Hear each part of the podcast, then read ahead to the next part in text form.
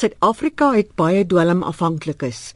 Nikro het onlangs in 'n verslag aangedui dat sowat 37% van mense wat in hegtenis geneem word, aangedui het dat hulle dwelms gebruik.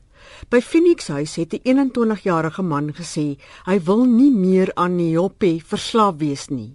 I'm here to get a better life, to start over because the life that I was living before was a very destructive lifestyle. So I'm here to change, start over, start afresh. I used to smoke to live, drug of choice. Nyaupe. Is it nice? Yeah, it is. Was nice. Mix dacha with cigarettes and then you spice the nyaupe on top of it and then roll a joint. Maar wat doen 'n plek soos Phoenix Huis? Um, the little things, washing the dishes, cleaning up after your mess. They put back the values that you were taught as a child that you chose to ignore. So they help you to relieve yourself from that sickness. You need a whole lot of support and certain values that I think most probably we've grown out of. We need to have them instilled again. Then from the basic things, we move on to bigger and better things. So you can make bolder and wiser decisions. Nog 'n man het gesê hy weet nie hoe hy sy dwelmprobleem sonder behandeling kan oorkom nie. It helped me a lot because I now realize that uh, the people I took for granted, the people I used to manipulate, the people I used to hurt in my life really mean most to me. And this place has taught me a lot. The addiction that you have to support on a daily basis needs to be maintained. So, in order for you to have those particular finances, you have to lie, to people and play with their emotions. Dis hoekom my glo Phoenix Huis moet op een of ander manier gered word. My heart bleeds because this place I've seen it that it works because whenever we hold NA or alcoholic meetings we see that it made a difference in so many people's lives whereby they're living a better life and much more cleaner life.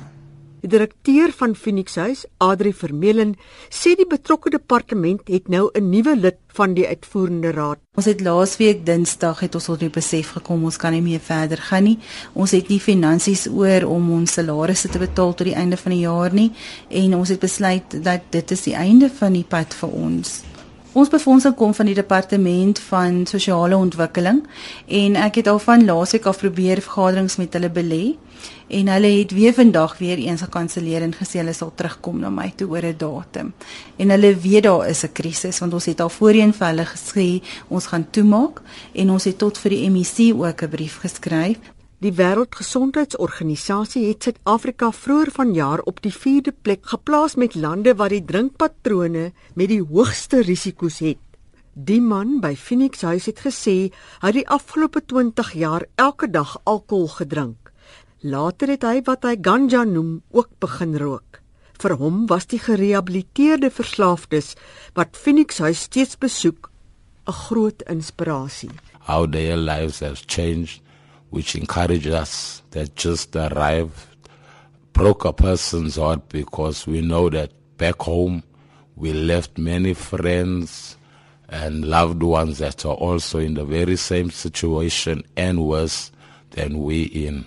So for a place like this to close, it's like a church's door closing, you know. Lindin Daba sê Phoenix behandeling het haar gered. Sy sê die staat het 'n verantwoordelikheid om sulke instellings te bedryf. I think it's very unfair that our government could say something like that when Phoenix House in all honesty Rana is like the only treatment center that I know of that is affordable to many people as opposed to the housing houses and the shops and all those other places. How do they close things out there? Where are people supposed to go? I spent all my time there. I would have never gotten clean with Phoenix House. I wouldn't have. And stayed clean, I wouldn't have. Lindin Daba wat by Phoenix Huis was vir behandeling. Mitsi van der Merwe, SABC nuus.